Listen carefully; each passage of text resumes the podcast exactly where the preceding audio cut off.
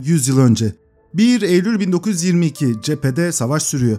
Anadolu ile iletişim kapatılmış. Tek bir haber bile gelmiyor. Dedikodular almış başını gitmiş durumda. Mustafa Kemal'in muhalifleri her gün aynı şeyi anlatıyor. Biz diyorlar saldırı savaşı yapabilecek bir orduya sahip değiliz. Savunma yapabiliriz. Keşke bir iki kasaba alsak da öyle dursak. Bu şartlarda saldırı bir delilik. Çok da haksız değiller. Yüzlerce yıl yenilmiş, sürekli geriye gitmiş, en sonunda Polatlı sırtlarına dayanmış bir ordu. Ardı arkasına gelen savaşlarla harap ve bitap düşmüş bir millet. Diz boyu yoksulluk, kol saran açlık, halsiz bırakan bir yokluk. Sakarya zaferi bir umut ışığıydı ama saldırı bu ölçekte ve bu boyutta bir saldırı insanları korkutuyordu. Ya zafer gelmezse? Fali Rıfkı Atay işte bu düşüncelerle büyük ada vapuruna bindi. Gerisini de şöyle anlatıyor. Akşamüstü gene beynimizin içinde aynı burgu, kalbimizin içinde aynı ağrı büyük adaya gidiyordum. Aydınlık, ferah bir Ağustos akşamı, köpüklü uyanık ve neşeli bir deniz, güverte, tıka basa dolu.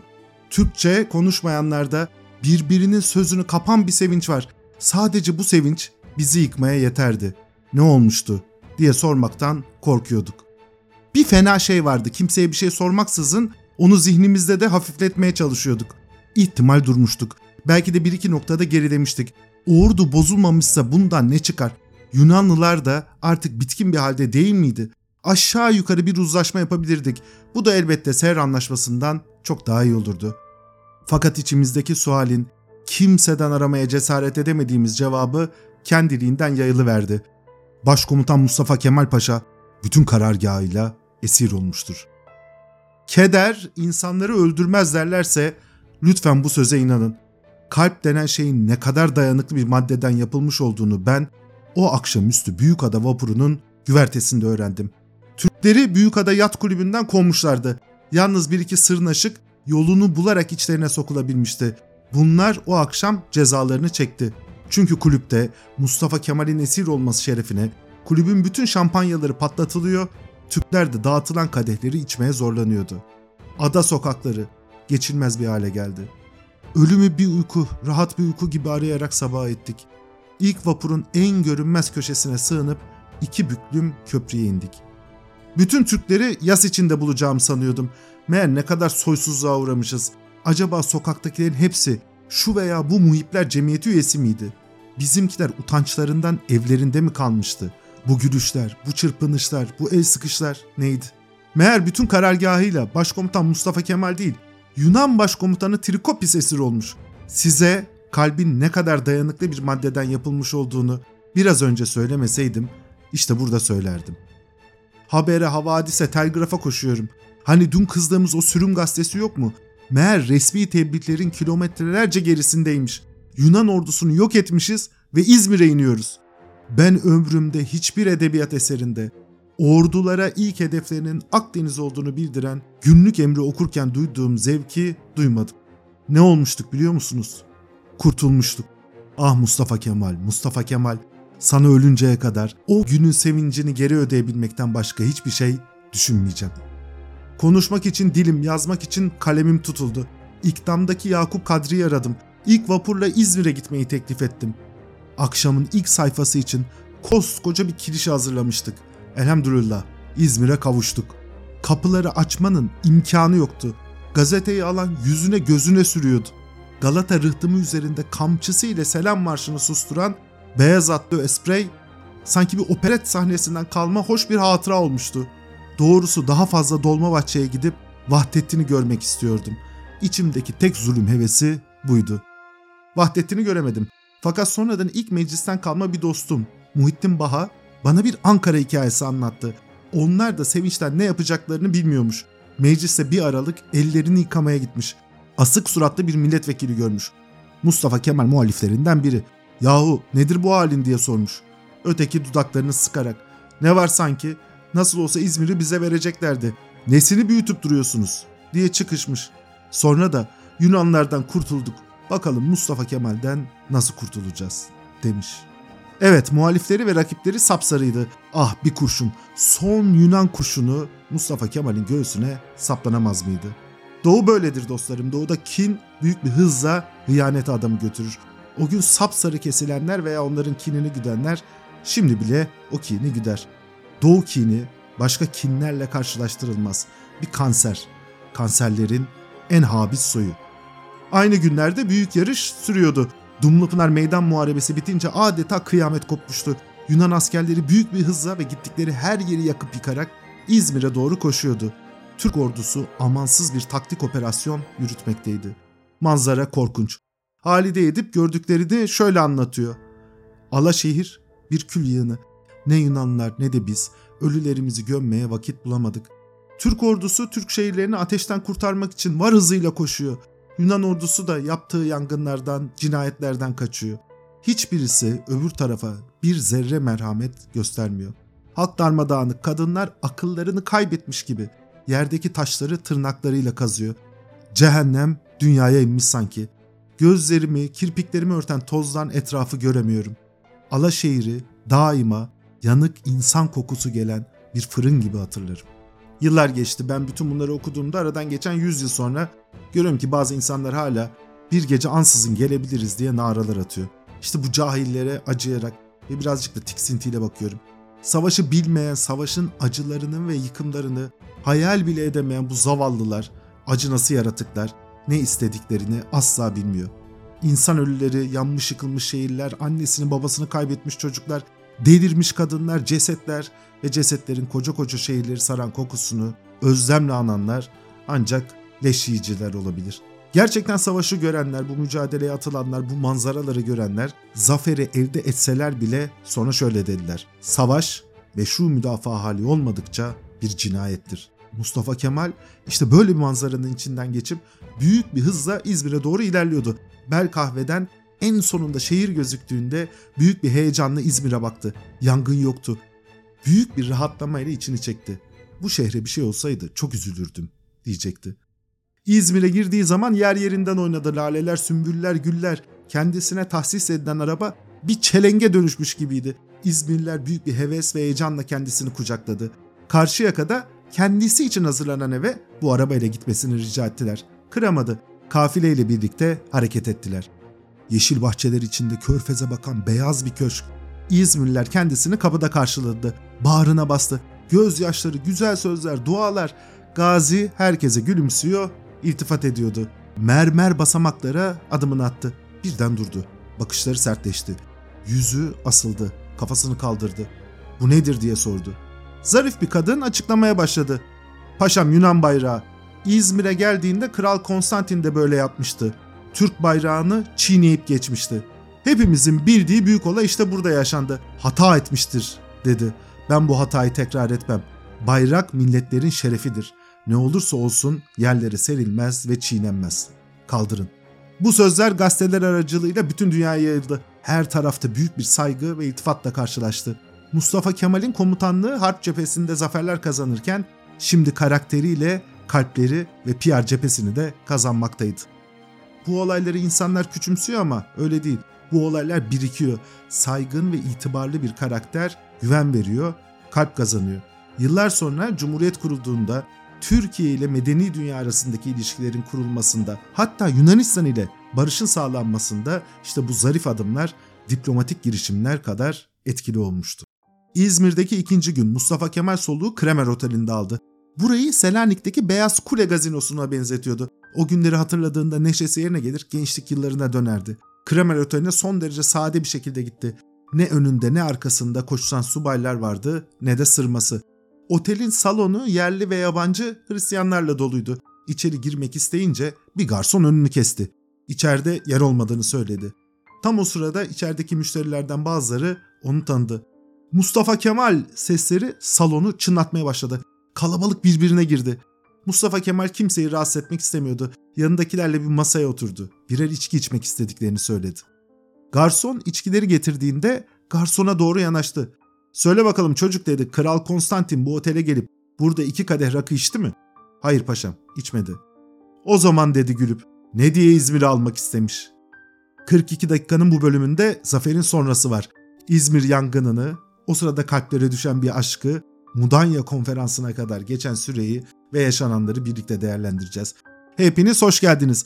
Lütfen Spotify, Google, Apple veya kullandığınız podcast uygulamasında 42 dakikayı takip etmeyi unutmayın. Spotify kullanıyorsanız hemen yukarıda sağ köşede bir zil var. Yeni bölüm geldikçe bildirimleri alabilir, bölümü dinleyebilirsiniz. Instagram'da 42 dakika hesabını gürman.timuran yaptım. Gönderdiğiniz mesajlar, görüş ve öneriler gerçekten çok mutlu ediyor.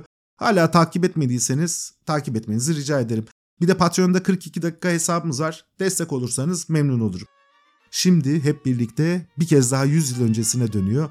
Zaman yolculuğuna kaldığımız yerden devam ediyoruz.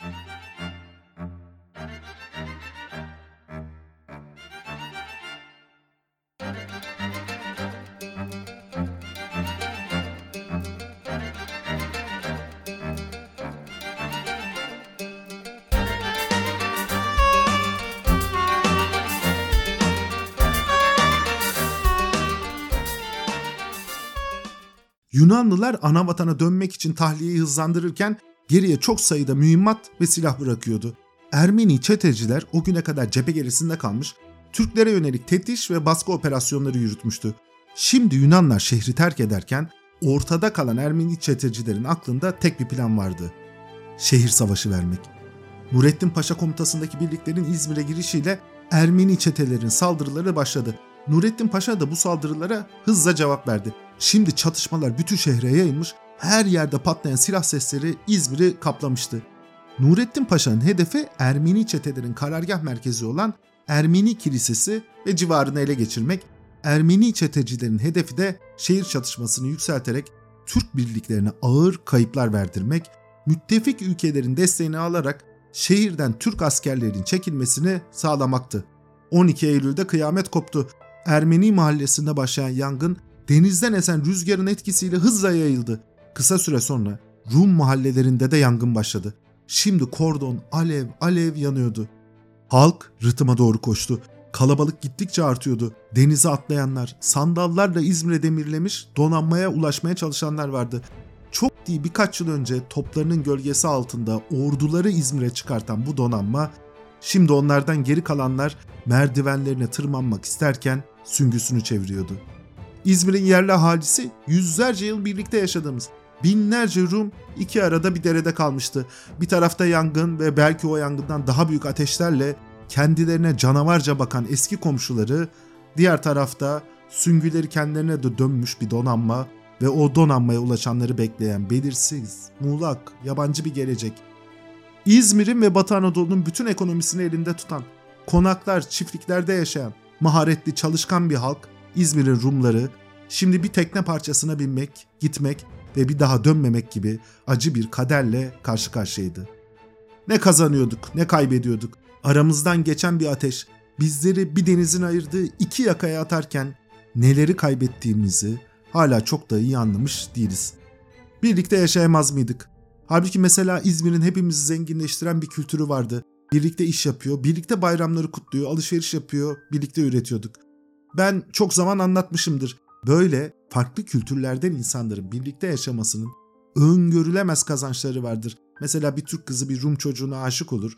Rum çocuğu bir kenara iki kelime yazar. O kelimeler şiir olur, güfte olur, beste olur. Kimseye etmem şikayet, ağlarım kendi halime diye hepimizin ağzına dolanır. Yemekler değişir, sofralar değişir, adap, edep değişir. İnsanlar birazcık daha tahammüllü, farklılıklara saygılı olur. Edebiyat, kültür bu bereketli topraklarda çoğalır. Hepimize iyi gelir birlikte yaşamak. Yine de unutmamak lazım. Savaş döneminde yaşayanlar büyük acılara maruz kaldılar. Dünkü komşularınızın bugün Fatih olup sokaklarda gezmesi çok başka bir şey. Zito Venizelos alkışlarıyla Yunan ordusu Anadolu'ya girdiği zaman kardeşlik adına da çok şey bozuldu ve kırıldı. Türkler büyük haksızlıklara ve acılara uğradı. Köylerimiz, şehirlerimiz yakıldı, insanlarımız öldürüldü. Birçok kadın tecavüze uğradı. Rum çeteler cephe gerisinde acımasız ve vahşi eylemlerde bulundular. İnsanlık suçları işlendi. Savaş çirkin bir şeydir. Bu çirkinliğe maruz kalanlar, dün komşum dedikleri insanların kendilerini nasıl ezdiğini görenler elbette kalplerinde biriken kırgınlığı da kolay kolay atamaz. Kırgınlık sert bir duygu. Çok hızla öfkeye, arkasından nefrete dönüşebilir. Şimdi kardeşlikten geriye pek bir şey kalmamıştı. İnsanlar soğuk gözlerle birbirine bakıyordu. Yaşananların tüm ağırlığı herkesi sarmış durumdaydı. Yangını kim çıkardı? Hala tartışılan bir konu. O günleri hemen Mustafa Kemal'in yanında yaşayan Fali Rıfkı Atay'ı dinlemekte fayda var. Yavur İzmir karanlıkta alev alev, gündüz tüte tüte yanıp bitti. Yangından sorumlu olanlar o zaman bize söylendiğine göre sadece Ermeni kundakçılar mıydı? Bu işte ordu komutanı Nurettin Paşa'nın hayli marifeti olduğunu da söyleyenler çoktu. Atatürk'ün Nurettin Paşa'yı eskiden beri sevmediği yazdığı nutukta görünür. Zafer sırasında 1. Ordunun başında bulunması da bir tesadüf eseriydi. Ali İhsan Sabis'in atılışından sonra Atatürk Ali Fuat ve Refet Paşalara komutanlığı teklif etmiş.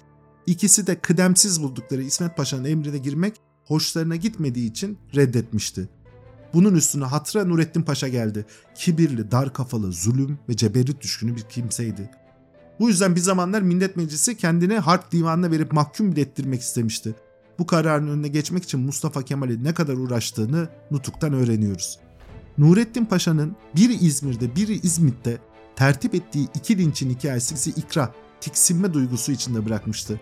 Bunlardan biri İzmir metropoliti Meletyos, öteki de Peyam Sabah yazarı Ali Kemal'dir. Bildiklerimin doğrusunu yazmaya karar verdiğim için o zamanki notlarımdan bir sayfayı buraya aktarmak istiyorum. Yağmacılar da ateşin büyümesine yardım ettiler. En çok esef ettiğim şeylerden biri bir fotoğrafçı dükkanı yağmaya giden subay bütün taarruz harpleri boyunca çekmiş olduğu filmleri otelde bıraktığı için bu tarihi vesikaların yanıp gitmesi olmuştur. İzmir'i niçin yakıyorduk? Kordon konakları, oteller ve gazinolar kalırsa azınlıklardan kurtulamayacağımızı mı düşünüyorduk? Birinci Dünya Harbi'nde Ermeniler tehcir olduğu vakit Anadolu şehir ve kasabalarının oturulabilir ne kadar mahalle ve semtleri varsa gene bu korkuyla yakmıştık. Bu kuru kuruya tahripçilik hissinden gelme bir şey değildi. Bunda bir aşağılık duygusunun da etkisi var. Bir Avrupa parçasına benzeyen her köşe sanki Hristiyan veya yabancı olmak mutlak bizim olmamak kaderindeydi. Bir harp daha olsa da yenilmiş olsak, İzmir'i arsalar halinde bırakmış olmak şehrin Türklüğünü korumaya kafi gelecek miydi? Koyu bir mutaassıp, öfkelendirici bir demagog olarak tanımış olduğum Nurettin Paşa olmasaydı bu facianın sonuna kadar devam etmeyeceğini sanıyorum. Nurettin Paşa ta Afyon'dan beri Yunanlıların yakıp kül ettiği Türk kasabalarının enkazını ve ağlayıp çırpınan halkını görerek gelen subayların ve neferlerin affetmez hınç ve intikam hislerinden de şüphesiz kuvvet almaktaydı. Yangından geriye ne Kremer Oteli kaldı ne başka bir şey. Mustafa Kemal de karargahını değiştirmek zorunda kaldı. 14 Eylül'de Göztepe'deki Uşakızade Köşkü'ne taşındı. Köşkün hanımı genç, iyi eğitimli, Fransızca bilen terbiyeli bir kadındı. Mustafa Kemal de çağdaş terbiyeye sahip ve özgüvenli bu kadından etkilenmişti. Latife Hanım Mustafa Kemal ile görüşmeye gelenlere tercümanlık yapıyor. Yerli ve yabancı gazeteleri onun için okuyup işaretliyor. Karargahı intizam, nezaket ve şefkatle yönetiyordu. Paşanın başucundan çiçeği, sırtından ırkası, sofradan sevdiği yemekler eksik edilmiyordu. Mustafa Kemal memnuniyetini ifade ediyor. Ona Latifçim diye hitap ediyordu. Zeki, hayat dolu, güzel konuşan bir kadındı. Fikirlerini korkusuzca savunuyordu. Gece yarılarına kadar Mustafa Kemal ile sohbet ediyor. Bu sohbetlerde ikisi gelecekten, Türkiye'den, yapılacak işlerden, hayattan bahsediyorlardı. Uzun zamandır cephelerde olan 42 yaşındaki komutan, şimdi içini neşe dolduran, kendisini gençlik günlerine döndüren yepyeni bir heyecanın içerisindeydi. O sırada muzaffer Türk orduları da ilerlemeye devam ediyordu. Mustafa Kemal şimdi satranç oyununun başına geçmişti. O günlerde hala ülkenin önemli kısmı müttefik devletlerin işgali altındaydı ama Yunan ordusu bölgeden çekildikten sonra müttefik kuvvetlerin bölgede esaslı bir gücü yoktu. Dolayısıyla Mustafa Kemal orduyu ileri götürerek itilaf devletlerinin bölgeden çekilmesini ve Anadolu'nun tamamen işgalden kurtarılmasını istiyordu. İngilizler aynı fikirde değildi. Hemen harekete geçtiler. Çanakkale Boğazı'nı korumak ve Türkleri Trakya'ya geçirmemek için 12 Eylül'de Çanakkale'deki birliklerini takviye ettiler. Bu birlikler yetersiz olduğu için Malta ve Mısır'daki bazı birlikler de Çanakkale'ye kaydırılmaya başlandı.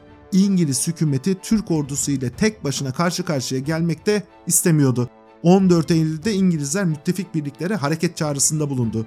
15 Eylül'de İngiliz Sömürgeler Bakanı Churchill müttefiklerine şöyle yazacaktı. Türk kuvvetlerinin İstanbul ve Çanakkale'ye yaklaşması üzerinde Ankara hükümetinin ileri sürdüğü istekler eğer kabul edilecek olursa bu son savaşta Türkiye'ye karşı kazanılan zaferin bütün sonuçlarının kaybı demek olur. İngiltere hükümeti boğazların süresiz ve gerçekten özgür bir statüye kavuşmasını hayati bir ihtiyaç sayar. Bu amaçla harekete geçmeye hazırdır. Müttefiklerin Mustafa Kemal kuvvetlerince İstanbul'dan çıkartılması son aşamada yaşayacağımız acı bir olay olur. Müslüman ülkeler ve büyük savaşta yenilen bütün milletler zayıf Türk kuvvetlerinin elde ettiği hayal edilmesi bile güç olan başarıları görerek adam akıllı yüreklenebilir. İngiltere sadece Anadolu'dan çekilmeyi değil, küresel sahnede olabilecekleri hesap ediyordu. Sömürgelerin durumu önemli bir konuydu. Aynı günlerde Almanya'da kaynıyordu. Böyle bir zaferin Almanya'da nasıl bir ruh hali yaratacağı ve Batı Avrupa'da hangi gelişmeleri neden olabileceği herkesin aklındaydı. Fransa ve İngiltere bu çağrıya cevap verdi. İstanbul'a birer kuvvet gönderdiler. Yalnız ortada ilginç bir durum vardı. Gelen destek kuvvetlerini karşılayan İngiliz bando takımı gönderilen askerlerden daha fazla askere sahipti. Bir parantez olarak söyleyeyim. O dönem işgal kuvvetlerinin başında olan Harrington'a biri sorsa muhtemelen cepheye rüştünü 1. Dünya Savaşı'nda ispatlamış İtalyan askerlerini göndermek yerine İngiliz bando takımını göndermeyi tercih ederdi. İtalya'nın Anadolu'da zaten hiçbir isteği yoktu. Hatta aksine bir süredir Ankara hükümetini destekliyordu. İtalyan kamuoyunda Türkiye'nin Kurtuluş Savaşı sadece sempati değil birazcık da hayranlıkla karşılanıyordu. Fransa ise bu savaşta daha fazla yer almak istemediğine çoktan karar vermiş, Ankara Anlaşması ile Ankara hükümeti ile dostane ilişkiler kurmaya başlamıştı. İngiltere tek başınaydı. İngiliz hükümeti bu trajik tablo karşısında Dışişleri Bakanı bir kez daha Paris'e gönderdi. İtilaf devletleri arasında yapılan görüşme tam 4 gün sürdü. Sonunda bir karara verdiler. Edirne ve Meriç'e kadar bütün bölge Türkiye'ye verilecek ancak barış görüşmeleri sürene kadar Türk kuvvetleri tarafsız bölgeye girmeyecekti. Aynı gün Mustafa Kemal İtilaf Devletleri temsilcisini kabul etti. Paris'te çerçevesi çizilen teklifi de kendisinden bizzat duydu. Sert bir şekilde reddetti. Şöyle diyordu. Türkiye Büyük Millet Meclisi hükümeti şimdiye kadar böyle bir tarafsız bölge tanımamıştır. İtilaf devletlerinin işgal ettikleri İstanbul'u asıl sahibi olan Türk milletine teslim etmeleri hak ve adalet icabıdır. Biz İstanbul ve Trakya'ya sahip olmak isteriz. Fakat buna mutlaka kuvvetle ulaşmak şeklinde bir amacımız yoktur. Bundan sakınmak için her türlü tedbiri memnuniyetle almak isteriz. Fakat büyük bir ordu uzun müddet bekletilmez. İstanbul ve Trakya elimize geçmediği halde bunların bize verileceği vaadine uyarak bekleyişi kabul edemeyiz. Fransız General Mustafa Kemal'in bu sözlerinden gereken mesajı çıkardı. Kum saati ters çevrilmiş, sıcak çatışma ihtimali belirmişti. Şimdi düşünün manzara şu. 18 Eylül'de bir kısım kuvvet Çanakkale'nin kurtarılması için ileri harekata başladı. Bu ilerleyiş İngilizlerin tarafsız bölgeye giriyorsunuz durun notasıyla karşılandı. Türk ordusu ilerlemesini sürdürdü. Ordunun karşısındaki İngiliz birlikler çekildi. Ayvacık, Ezine, Bayramiç kurtarıldı. 23 Eylül'de Çanakkale'nin 15 kilometre güneyindeki Erenköy'e ulaşıldı. İngilizler 24 Eylül sabah saat 6'ya kadar tarafsız bölge boşaltılmadığı takdirde savaşa başlayacaklarını bildirdi. Bölgedeki Türk komutan bu gibi önemli konulara cevap vermek yetkisinde olmadığını ifade etti ve İngilizlerin isteğini dikkate almadı. 25 Eylül'de Erenköy kuzeyindeki karantina bölgesine ulaşıldı. Bölgedeki komutan İngiliz komutanın görüşme isteğini İngilizce bilmediğini ileri sürerek kabul etmedi. 26 Eylül günü Türk birlikleri Çanakkale şehri çevresine yürüyüş kolları halinde daha da yaklaştılar. 27 Eylül'de kuvvetlerimiz İngilizlerin Çanakkale'nin dışında iki kanadı denize dayalı olarak tuttuğu tel örgülerle takviyeli savunma mevziine ulaştı. 20-30 metreye kadar yaklaştı. İngilizler Türk askerinin tel örgülerden içeri girmemesi için ricada bulundu. İngiliz hükümeti işgal kuvvetleri komutanı General Harrington'a Türklerin tarafsız bölgeyi boşaltmamaları halinde ateşle karşılık vermesi için kesin emir gönderdi. General Harrington tabii ki akıllı bir adamdı, yetişmiş bir subaydı. Cephe şartlarını bilmeyen hükümetin bu emrini yerine getirmedi. Elinden geldiği kadar savsakladı. Anadolu'da bunlar olurken denizin karşı yakasında Yunanistan'da ise deniz kabarmış bir fırtına toplanmaktaydı. Winston Churchill'ın dediği gibi kazanılsın ya da kaybedilsin. Büyük savaşlar olayların akışını değiştirir. Yeni standartlar, yeni değerler üretir. Orduda ve insanlarda yeni bir ruh dünyası, yeni bir atmosfer ortaya çıkar. Yıllarca süren savaş, korkunç bir ekonomik çöküntü, kaybedilen binlerce genç ve en sonunda ağır bir yenilgi. Yunan halkının artık tahammülü kalmamıştı. 24 Eylül'de Venizelosçu subaylar ayaklandılar. Nikolas Plastiras, Gonatas ve deniz kuvvetlerini temsil eden Fokas devrimi ilan etti. Junta'nın 3 önemli isteği vardı. 1. Kral Konstantin görevi bırakacak. 2. Parlamento lağvedilecek. İtilaf devletleri ile iyi ilişkileri olan tarafsız bir hükümet kurulacak. 3. Doğu Trakya cephesi güçlendirilecek. Kral Konstantin'in böyle bir talebe dayanacak gücü yoktu. Halk da ordu da kendisini göndermek istiyordu. Bir gemiye binip İtalya'ya sürgüne gitti. Yunanistan'da taşlar bir anda yerinden oynadı. Bu durum Türkiye açısından da yeni bir dönemin habercisiydi. Daha önceki bölümlerde çokça bahsettim. Mustafa Kemal yaşadığı dönemi iyi kavramaya çalışan, dünyadaki gelişmeleri takip edip analiz eden bir insandı. Yunanistan'daki bu gelişmenin neyin habercisi olduğunu da hemen anladı. Eleftherios Venizelos geri dönüyordu. Venizelos dikkatli, zeki, geniş kültürlü bir devlet adamıydı. İtilaf devletleriyle güçlü ilişkileri vardı. Göreve yeniden gelmesi diplomasi oyununda dengeleri değiştirebilirdi. Mustafa Kemal artık hızlı hareket etmek zorundaydı. Yunanistan'da devrim olurken Mustafa Kemal'in ziyaretçisi Paris'ten gelen Franklin Bouillon oldu. Franklin Bouillon 28 Eylül'de İzmir'e ulaştı ve Mustafa Kemal tarafından kabul edildi. Bu görüşme Çanakkale olayını sonlandırdı. Bouillon 23 Eylül tarihli Paris kararının aslını sundu ve içeriğinin gerçekleşmesi konusunda teminat verdi. Buna göre 3 Ekim 1922'de ateşkes görüşmelerine başlanacak, arkasından da bir barış konferansı toplanacaktı. Barış konferansından önce Doğu Trakya boşaltılacak ve Türkiye'ye teslim edilecekti. Boğazlar Türkiye'ye iade edilecek ancak barış anlaşmasından sonra boşaltılacaktı. Başkomutan Mustafa Kemal bu sonuçlar üzerine 28 Eylül 1922 akşamı verdiği emirle Türk ordusunun Boğazlar yönündeki harekatını durdurdu. Böylece iki hafta süren gergin bekleyiş sona erdi. Avrupa başkentleri derin bir nefes aldı. Savaş tehlikesi sona ermişti. İnsan bir anda işlerin iyi gideceğini ummak istiyor ama öyle olmadı. 30 Ağustos'ta zafer kazananlar belliydi ama yenilenler Yunan ordusuyla sınırlı değildi. Klasik dönemden itibaren egemen bir güç odağı olan ve savaş döneminde sarayı destekleyen tarikatlar, şeyhler, hocalar, onlara bağlı örgütler, esnaflar da yenilmişti.